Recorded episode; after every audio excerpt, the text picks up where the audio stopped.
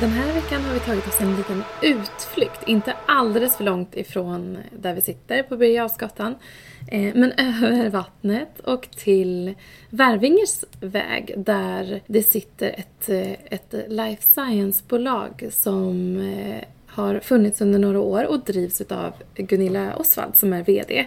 Välkommen till Femväst. Tack så mycket, roligt att vara här. Gunilla, du är lite av en ikon i, i life science-världen och jag vet att jag har träffat flera lite tidigare bolag som också eh, beundrar den resa som du har tagit. Ehm, hur hamnade du eh, på BioArctic? Ja, från början, eller min drivkraft har hela tiden varit att jag vill hjälpa patienter att få bättre läkemedel. Och det gjorde att jag utbildade mig först till apotekare och sedan så jobbade jag på Astra och AstraZeneca i nästan 30 år. Jag disputerade och sen jobbade jag med kliniska prövningar och med, med läkemedelsprojekt eh, inom framförallt Alzheimer och Parkinson. Och det sista jag gjorde för AstraZenecas räkning var att hjälpa till att stänga den forskningsverksamheten med 1300 personer eh, 2013, 2012. Och sen 2013 kom jag till Bioarctic. Och det som är så fantastiskt är att få fortsätta jobba med de här viktiga stora sjukdomarna där det är sånt enormt medicinskt behov. Som Alzheimers sjukdom och Parkinsons sjukdom. Och på Bioarctic som är ett litet, dynamiskt, innovativt bolag så är vi nu på riktigt god väg att kunna hjälpa de här patienterna. Så att det är en fantastisk resa som jag har haft förmånen att få göra både på Astra och AstraZeneca och nu här på, på Bioarctic. Mm. Eh, hur kommer det sig att Eh, det kommer att bli en större efterfrågan på det här området och varför har det inte varit fokuserat tidigare? Alltså jag tror att många har försökt i många år eh, att hjälpa Alzheimer och Parkinson-patienterna. Men det är nästan 20 år sedan det kom något läkemedel eh, för att hjälpa de här patienterna senast. Och de som finns på marknaden idag är bara symptomlindrande. Och det vi försöker göra och hjälpa till med som kallas sjukdomsmodifierande, man vill gå in och påverka den underliggande sjukdomen. Och några sådana finns inte alls idag. Och tittar man på Alzheimers sjukdom så är det ju så att den är väldigt åldersrelaterad den här sjukdomen. Och i och med att vi blir äldre och äldre så eh, kommer den här patientpopulationen att öka mer och mer. Vi blir också duktigare på att diagnostisera de här patienterna. Och det gäller att komma in så tidigt som möjligt och försöka rädda så mycket av hjärnans neuron som möjligt. Och då vill man kunna diagnostisera på ett tidigt steg. Och där håller det också på att hända genombrott så att det finns möjligheter. Och det tredje är, i och med att man går tidigare och tidigare, så pratar vi om populationer där det idag inte finns en indikation för de läkemedel som är på marknaden. Utan vi tänker oss innan man får diagnosen till och med. Så att det här är ett område som det, det ser väldigt lovande ut nu. Och det blir bara större och större så att det finns en enorm möjlighet att hjälpa patienter här. Mm. Eh, om man tittar då på BioArctics eh, egna resa så kom det till som ett forskningsprojekt och det var vid Uppsala universitet. Eh, och än idag så har ni ju väldigt mycket nära relationer med universiteten. Mm. Eh, kan du berätta lite om hur ni jobbar och mm. varför det kommer sig? Och då är det ju allting baseras ju på professor Lars Landfelt och hans forskning. Och han eh, upptäckte först den svenska mutationen i Alzheimers sjukdom och sen den arktiska mutationen. Och då såg han i den arktiska mutationsfamiljerna med Alzheimers sjukdom så hade de förhöjda nivåer utav ett felveckat aggregerat protein i hjärnan av amyloid. Och då tänkte han, om man gör en, en eh, antikropp som binder selektivt och tar bort de här skadliga formerna, det kanske kan hjälpa patienterna. Och det började han med vid Uppsala universitet och det såg lovande ut och sen så skapade han och Per Gällefors Bioarctic 2003. Och så tog Bioarctic fram band 2401 som nu är i de stora eh, registreringsgrundande fas 3-programmen. Så att det är en väldigt spännande resa som, som har och redan 2005 kom ASI det globala japanska läkemedelsbolaget in eh, och eh, jobbar tillsammans med, med Bioarctic. Så att ett långvarigt lyckosamt samarbete med Eisai eh, inom det här området. Och hur kunde man etablera ett sånt typ av samarbete som ett sånt litet bolag? Då var ju det väldigt mycket baserat på dels att man hade otroligt innovativa bra idéer ifrån professor Lars Landfelt och sen var den andra grundaren Per Gällefors och hans kontakter med, med Japan. Och de två tillsammans som lyckades få Eisai på kroken. Jag kan säga samtidigt satt jag på AstraZeneca och spanade på Bioarctic och tyckte det var ett coolt bolag. Men Eisai var snabbare. Mm. Ehm, den 12 oktober 2017 så tog eh, Bioarctic steget in på börsen och ni noterade på Nasdaq Stockholm. Eh, hur används börsen eh, för de svenska life science-bolagen och hur är er strategi där? Mm.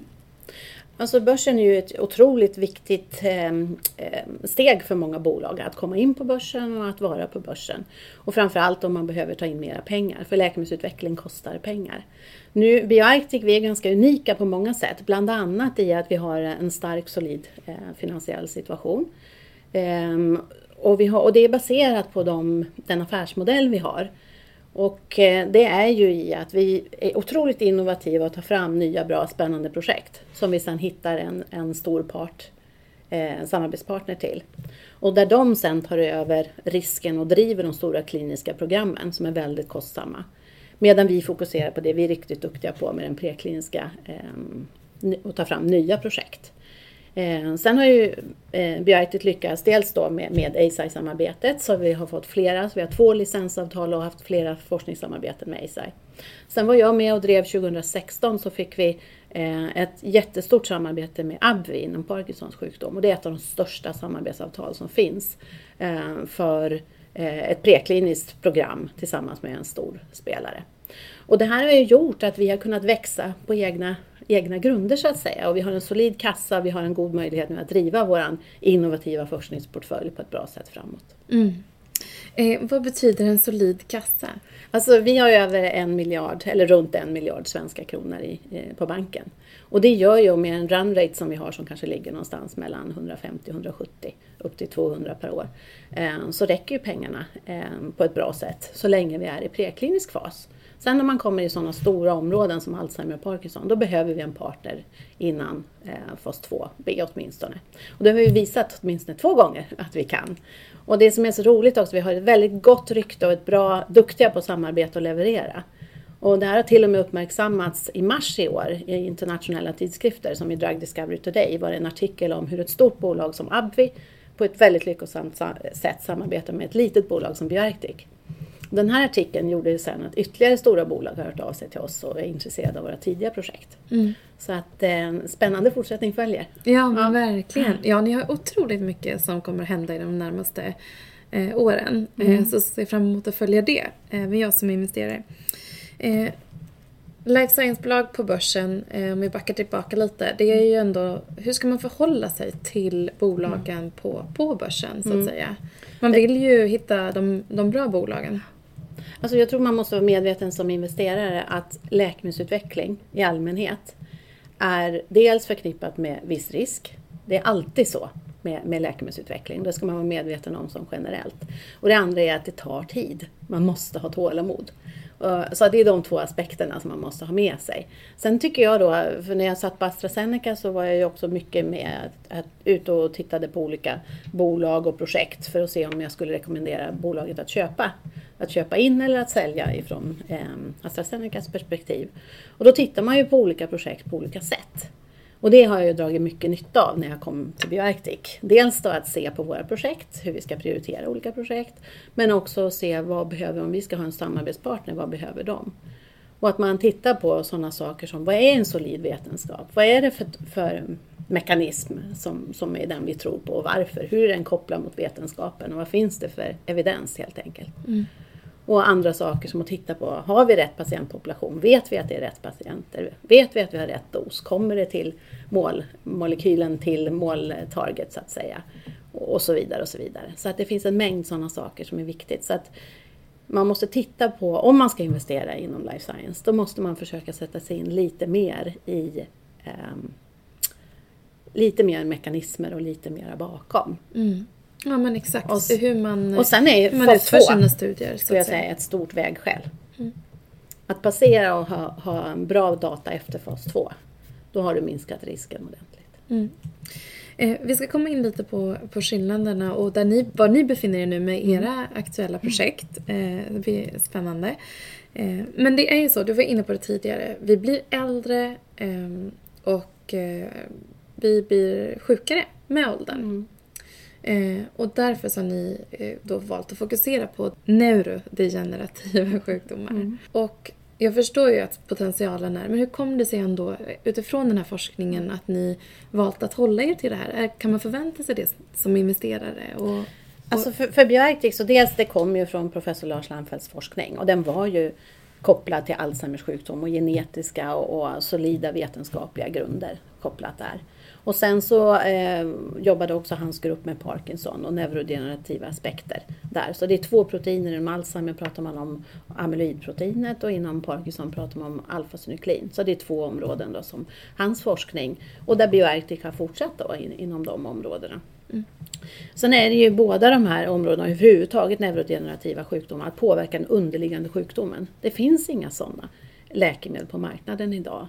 Och Bioarctic, eh, vilket stimulerar mig väldigt mycket varför jag ville komma hit också, det var ju att vi vill göra en större skillnad för mänskligheten. Inte bara någon liten, liten skillnad utan en större skillnad som kan hjälpa patienten ordentligt. Och då är det större innovationshöjd som, som behövs. Och eh, det här området är ett enormt stort behov och en jättestora, eller stora patientpopulationer överhuvudtaget. Ja. Så kan vi göra en skillnad här så kan vi hjälpa många människor. Ja. Det är lite, man känner ju nästan att man är inne och touchar på det, möjligheten att, eh, att förlänga livet. Mm. Eller hur? Ja. Det blir ju egentligen ja. det. För man, man och att förstår... må bra så länge man kan under, under sitt liv dessutom. Att få mm. en, en bättre livskvalitet. Både, för man tänker Alzheimer och även Parkinson, särskilt Alzheimer, det är ju patienten i sig men också väldigt mycket en anhörigsjukdom.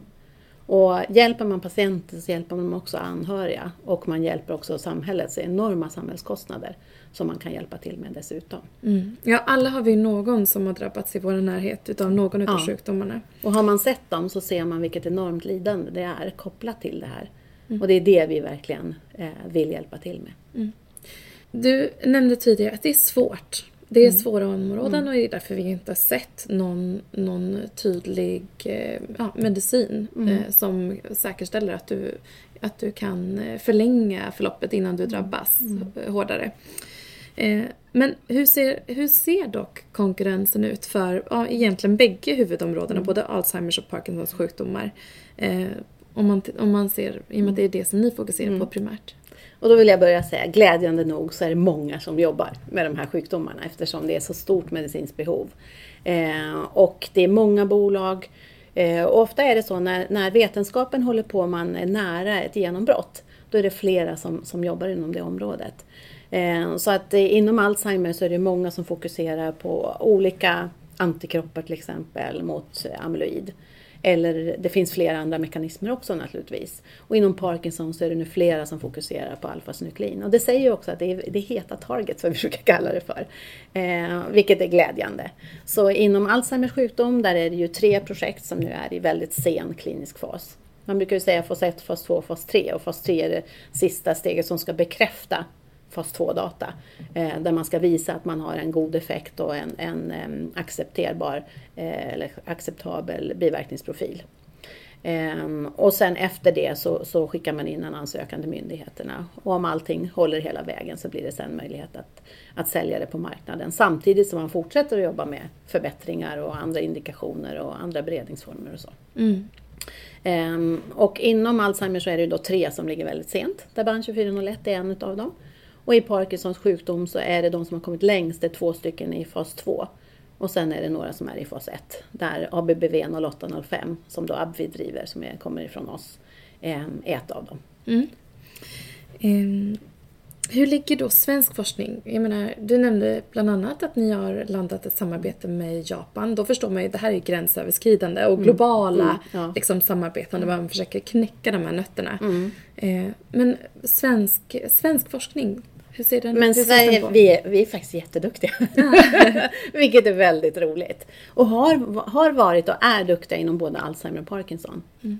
Inom Alzheimerområdet så är ju då professor Lars Anfeldt, han är en av de riktigt tongivande runt om i världen. Som först kommer den svenska mutationen och så den arktiska mutationen. Men sen finns det många andra jätteduktiga forskare eh, i Sverige inom Alzheimer. Både inom eh, läkemedelssidan men också inom diagnostiksidan. Så både Henrik Zetterberg och Kaj Blennow och, och ehm, eh, Oskar Hansson som nu har kommit ut och berättar om hur man ser att blodmarkörer börjar bli möjlighet. Tidigare har det varit antingen att man gör imaging via positronemissionstomografi och tittar på en bild, eh, avbildning av hjärnan och ser amyloidinlagringar till exempel. Och där har Sverige varit bland de bästa och tagit fram sådana eh, markörer tidigare.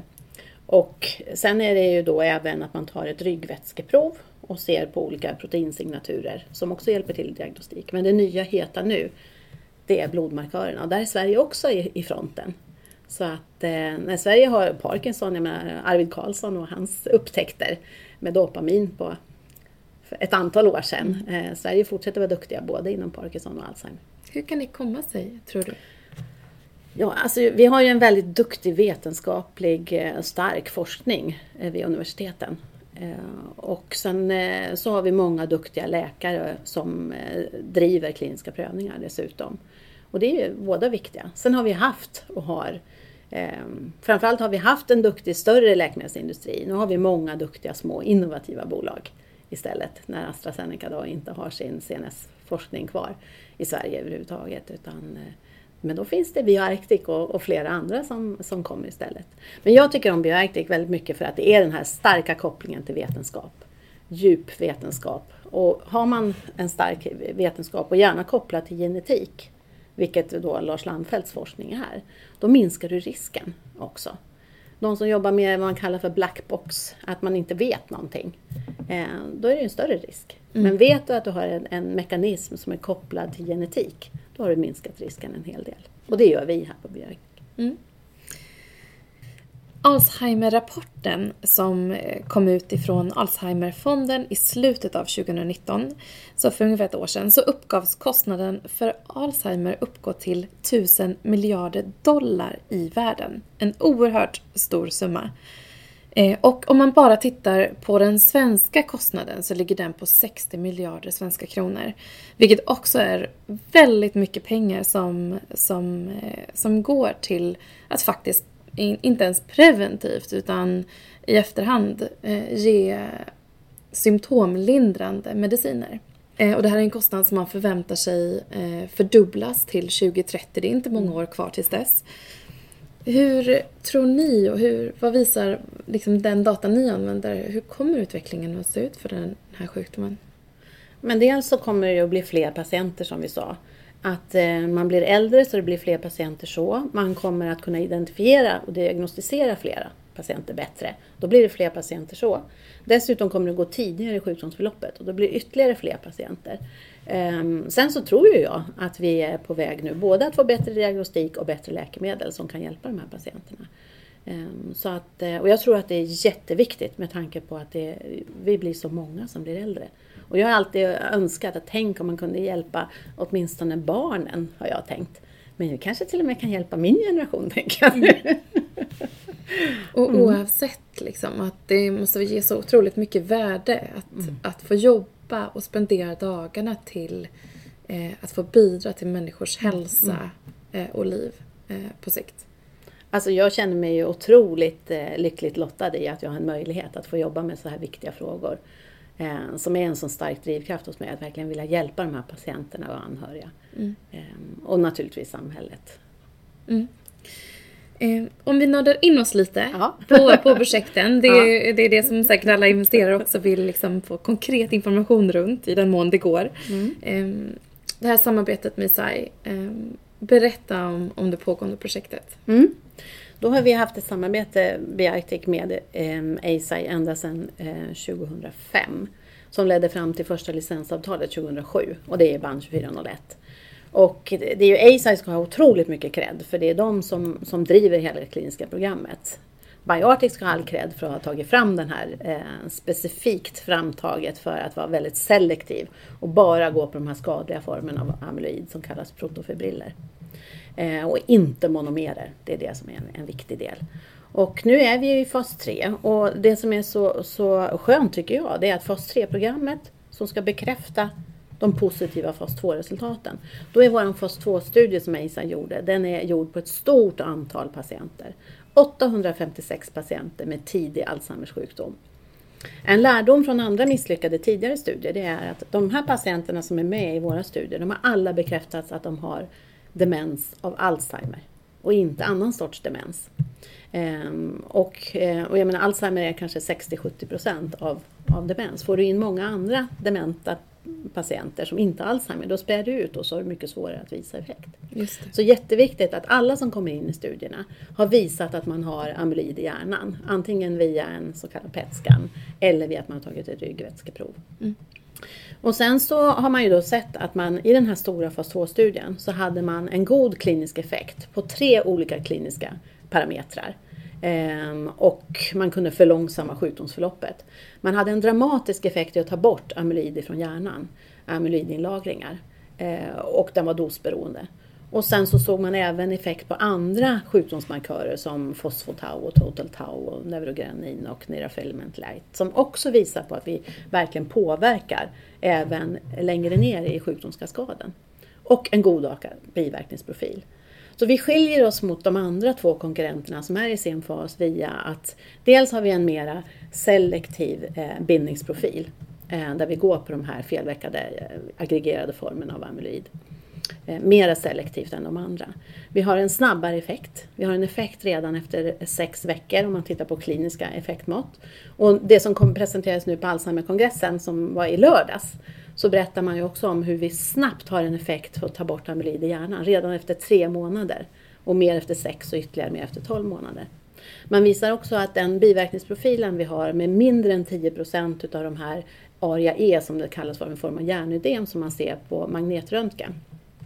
Då har vi mindre än 10 procent jämfört med de andra som ligger kanske 35 procent och mer.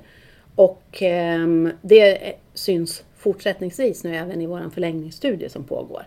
Så att vår låga biverkningsprofil, trots att vi ger dosen, höga dosen direkt, de andra behöver långsamt titrera upp i dos. Vi kan ge högsta dosen direkt, ändå har vi en lägre biverkningsprofil och en snabbare effekt. Mm. Så det ser ju väldigt lovande ut för BAN 2401. Och nu är vi inne i de stora, stora fas 3-programmen då. Och nu pågår då en bekräftande studie som kallas Clarity AD. Och det är på tidig Alzheimers sjukdom. 1566 patienter ska komma in i den studien över hela världen. Den pågår i USA, Kanada, Europa, Japan, Sydkorea och Kina nu också. Eh, och där har Eisai sagt att man eh, förväntar sig att de här 1566 patienterna ska vara färdigrekryterade under det här året. För att sen ha 18 månaders resultaten under 2022. Mm. Så att, och Sverige är med, vilket mm. är glädjande. Så att eh, i början här av året så, så fick Sverige börja komma med i den här studien. Så vi har ett antal patienter i Uppsala, eh, Huddinge, Göteborg och Malmö. Mm, vad spännande. Mm. Eh, så att man kan förvänta sig, och som du sa tidigare, tålamod. Mm. Följa den här eh, studien under, eh, under 2021 och in i 2022. Ja.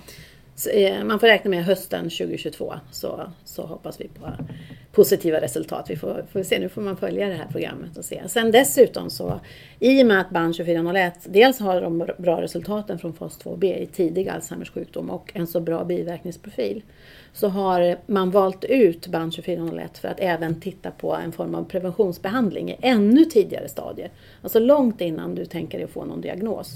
Så de är i stort sett eh, kognitivt normala men har en ökad nivå av amyloid i hjärnan. Och då tänker man om man går in och ger band 2401 väldigt tidigt och tar ner amyloidinlagringar i hjärnan, att man då kan ordentligt eh, förlångsamma processen och skjuta fram eh, Alzheimer att, att komma in som diagnos ordentligt på framtiden. Mm. Så att det är också jättespännande. Så ytterligare ett fas 3-program som startades här under, under sommaren mm. med BAN 2401. Mm. Eh, och det är 1400 patienter som pågår runt om i världen mm. i, i de här ännu tidigare skedena då, av, av, hos individer med Alzheimer-patologi. Mm. Eh, spännande. Eh, om man då tittar på, på när man drabbas av den här sjukdomen, vad finns det för eh, medicinsk hjälp att få? Du var inne och nämnde mm. lite att det, var, det är ju liksom symptomlindrande ja. som, som det, gäller. Ja, det som finns idag att tillgå så är det ju tre stycken olika symptomlindrande acetylkolinesterashämmare. Och sen finns det en eh, memantin-antagonist. Så att det finns ehm, eh, memantin som är en eh, NMDA-antagonist. Så det finns fyra substanser idag. Men alla de är bara symptomlindrande. Men hjälper en viss del. Och I framtiden så hoppas vi på att kunna hjälpa till med sjukdomsmodifierande som påverkar den underliggande sjukdomen. Och då kanske sen i, i kombinationsbehandling med eh, dels symptomlindrande och med, med flera olika sjukdomsmodifierande behandlingar för att få bästa effekten i framtiden. Mm. Eh, ni har även forskning inom Parkinsons sjukdom eh, som är faktiskt den näst största mm. neurodegenerativa sjukdomen efter Alzheimers sjukdom. Eh, du har återigen nämnt det lite tidigare, AbbVie, eh, som är Parkinsons-projektet. Hur långt har ni kommit där? Eh, mm. Inte lika långt? Nej, inte lika långt. Men där hade ju vi jättefina prekliniska resultat. Dels har vi igen då en, en solid vetenskap i grunden och det på samma sätt bygger på de här felveckade aggregerande formerna utav alfasnuklein i det här fallet. Och där i våra djurstudier så hade vi visat på att man kunde förlänga överlevnaden som vi var inne på. Där i en jätteaggressiv Parkinson-modell så såg man att de här djuren fick ehm, eh, motoriska symptom mycket senare och levde dubbelt så länge i de här studierna med våran antikropp jämfört med om de fick placebo. Och det gjorde att, att eh, Abvi eh, kom in i en ehm, konkurrensdriven partneringprocess. Eh, där vi, eh, vi valde dem och de valde oss på slutet. Och gick in i ett fint samarbete då 2016. Där vi skulle leverera hela motsvarande registreringsansökan för att gå in med prövningar i USA. Och det gjorde vi och så tog de licensen i förtid för att vi hade levererat så bra. Så i slutet på 2018 tog de fulla licensen. Och det här avtalet är ett, ett stort avtal. Vi, fick, vi har hittills fått 130 miljoner dollar av det totala värdet på avtalet på 755 miljoner dollar. Och om vi kommer hela vägen till marknaden så är det royalties på toppen av det. Och det är substantiella nivåer vi kan prata om i det här sammanhanget, precis som inom Alzheimers sjukdom där jag brukar tänka att det här är så stort. Så får vi royalties inom det här området så kan royaltiesatsen handla om över en miljard dollar per år i rena inkomster till Bioarctic utan att vi behöver bekosta några kliniska prövningar och så vidare. Så det är en väldigt bra affärsmodell som, mm. som eh, vi har nu eh, sjösatt inom både Alzheimer och Parkinson. Mm. Um, hur, när kan man förvänta sig nästa studie? Ja, och då är det så att vi är i fas 1 och det ser ut att, att gå så pass bra där så att Abvi bestämde sig för att eh, istället för att starta en eh, steg 2 i fas 1 så bestämde man sig för att istället eh, jobba på att göra en bra design för ett större fas 2-program direkt istället. Så det är vad vi håller på med nu. Och det är mycket förberedelse för att dra igång en, en stor fas 2-studie. Så att det kommer inte att bli det här året. Eh, men vi ser fram emot att, att eh, vi ser ABBV 0805 kunna komma in och hjälpa Parkinson-patienter. Mm. Eh, er projektportfölj är en kombination av fullt finansierade projekt som vi har nu gått igenom i det här samtalet som drivs i partnerskap. Där SAI och eh, Abvi är, är exempel. Eh, med globala läkemedelsbolag samt innovativa egna projekt med stora marknads och utlicenseringspotential. Eh, har de flesta läkemedelsbolag ett sån typ av affärsmodell? Eh, eller kan den komma att förändras för er och i så fall på vilket sätt? Mm. Jag tror att hemskt många bolag vill ju eh, jobba fram och sen hitta en partner vid, vid, något tillfälle. Jag tror där vi skiljer oss ifrån många andra är dels att vi har många olika projekt. Vi är alltid fokuserade inom CNS och vi jobbar med antikroppar.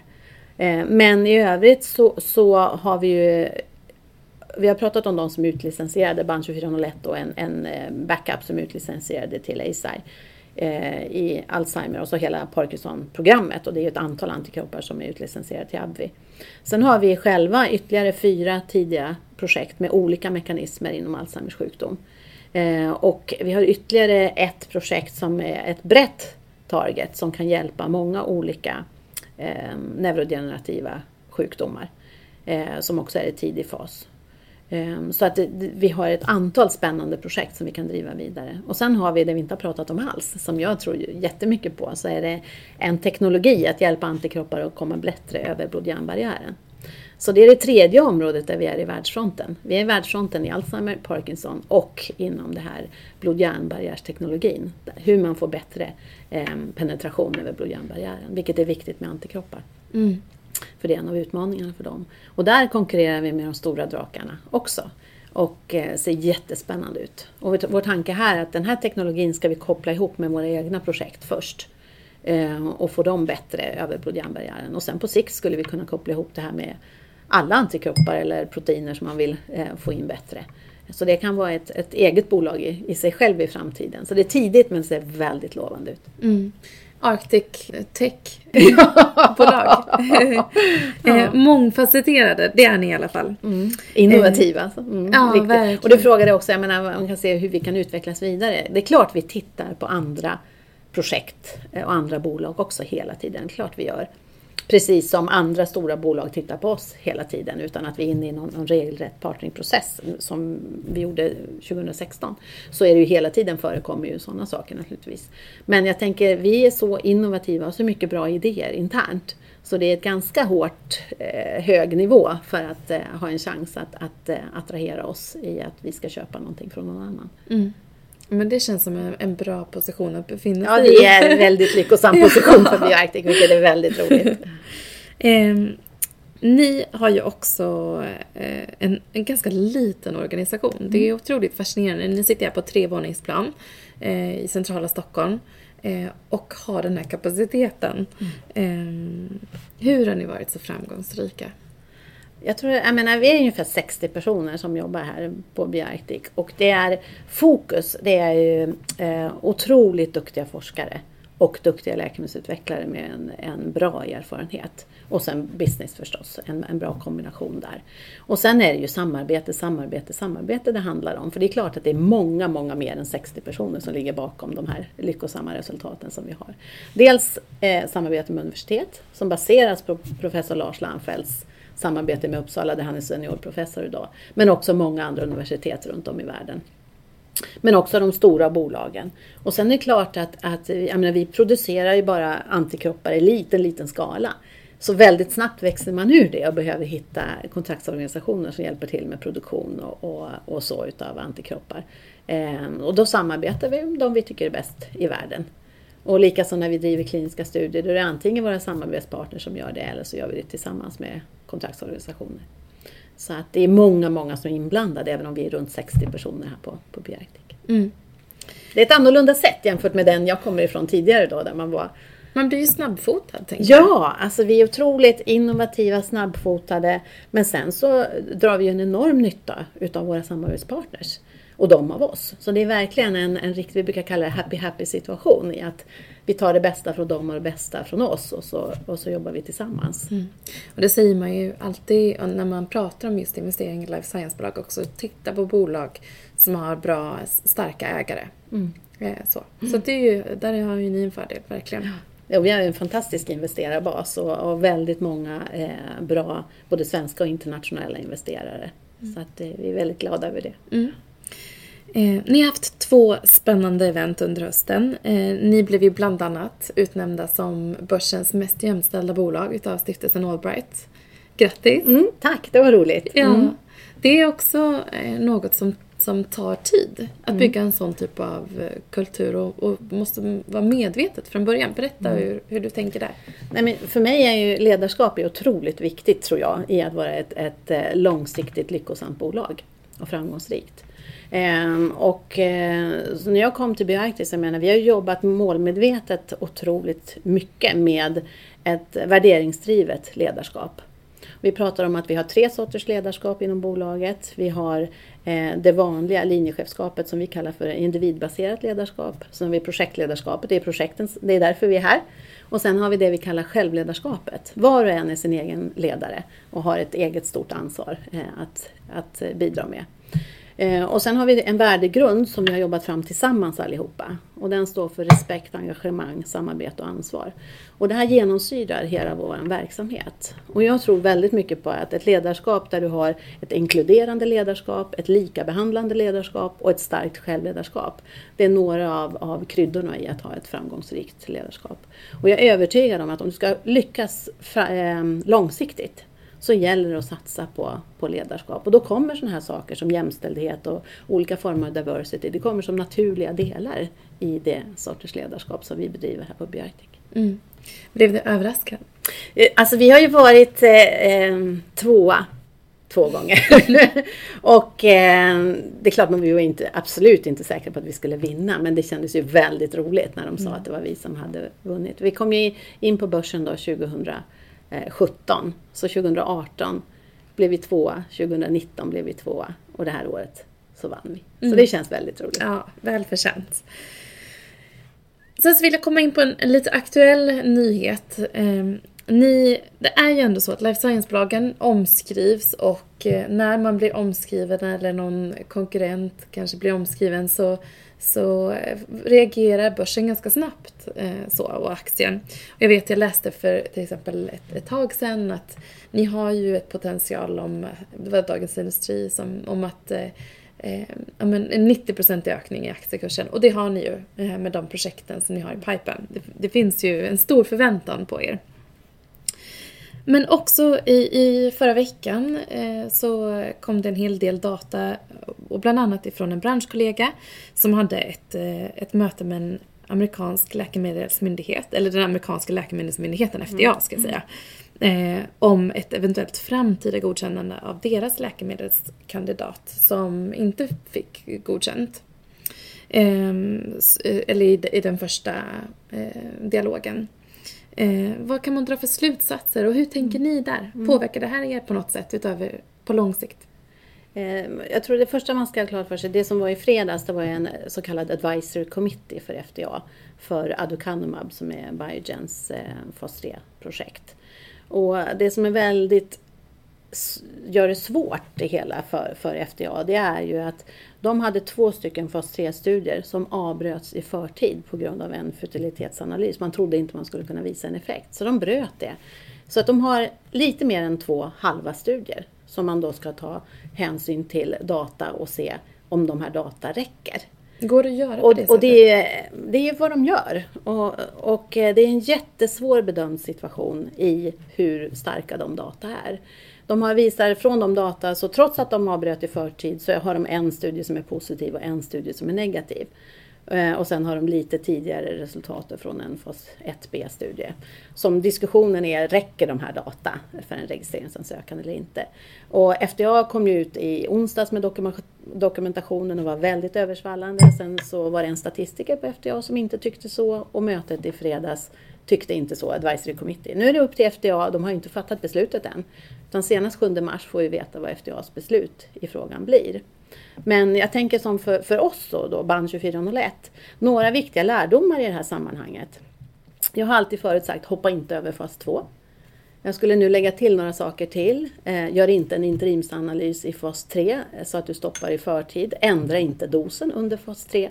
Se till att du får ett så bra datasätt med en, en god eh, power i ditt fas 3-program som möjligt. Och det är precis så man jobbar med band 2401. Så för oss, jag menar, det var som jag sagt tidigare, vad händer om aducanumab blir registrerat eller inte? Och det är bra för band 2401 och för oss vilket som.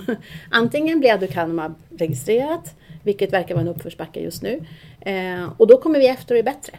Eller så blir det inte registrerat och då har vi chans att vara först. Mm. Och sen finns det ett projekt till som heter Gantenrumab från Roche som också är i fas 3. Men vi tycker att vi har klara eh, indicier på att det ser ut som att vi har den starkaste antikroppen. Mm. Så spännande fortsättning följer. Ja men verkligen. Mm. Eh, också intressant eh, som du sa att man ska veta, man måste vara väldigt eh, målmedveten med vilken mm. målgrupp också man jobbar med. Absolut. Eh, mm. Som du nämnde tidigare mm. att eh, det också är väldigt viktigt för att mm. säkerställa att man behandlar rätt patient. Och, och, med band 2401 så dels är det ju den här målgruppen som kallas tidig Alzheimer. Det är alltså mild Alzheimers sjukdom och steget innan som kallas mild kognitiv störning på grund av Alzheimers sjukdom eller prodromal Alzheimer. Så det är det som Clarity AD-studien handlar om. Sen så har vi ju steget innan som är ännu tidigare stadier eh, som är mer kallas för preklinisk och asymptomatisk Alzheimers sjukdom. Så det är det andra fas 3-programmet eh, som vi eh, driver då. Och det gör ju inte de andra eh, konkurrenterna. Utan, och där vi skiljer oss mot både aducanumab och gantenerumab är ju att vi behöver inte titrera. Och trots att vi inte behöver titrera utan vi kan gå med högsta dosen direkt så har vi ändå en bättre biverkningsprofil än vad de har. Och vi kan då också visa på en snabb effekt och effekten ökar över tiden. Ehm, så att ehm, än så länge tycker jag bara att det ser väldigt lovande ut och jag verkligen hoppas och tror att vi kan hjälpa Alzheimer-patienter. Mm. Stort tack för att du var med i den här veckans Feminvest-podd. Och nu på måndag så kan du också få höra en, en mer eh, traditionell eh, bolagspresentation utav det aktuella arbetet som Bioactor gör i vårt Life Science-event. Och du kan anmäla dig via vår Facebookgrupp eller eh, via vår hemsida så hittar du till eventet. Eh, så missa inte det. Ser fram emot det. Tack så mycket! Tack.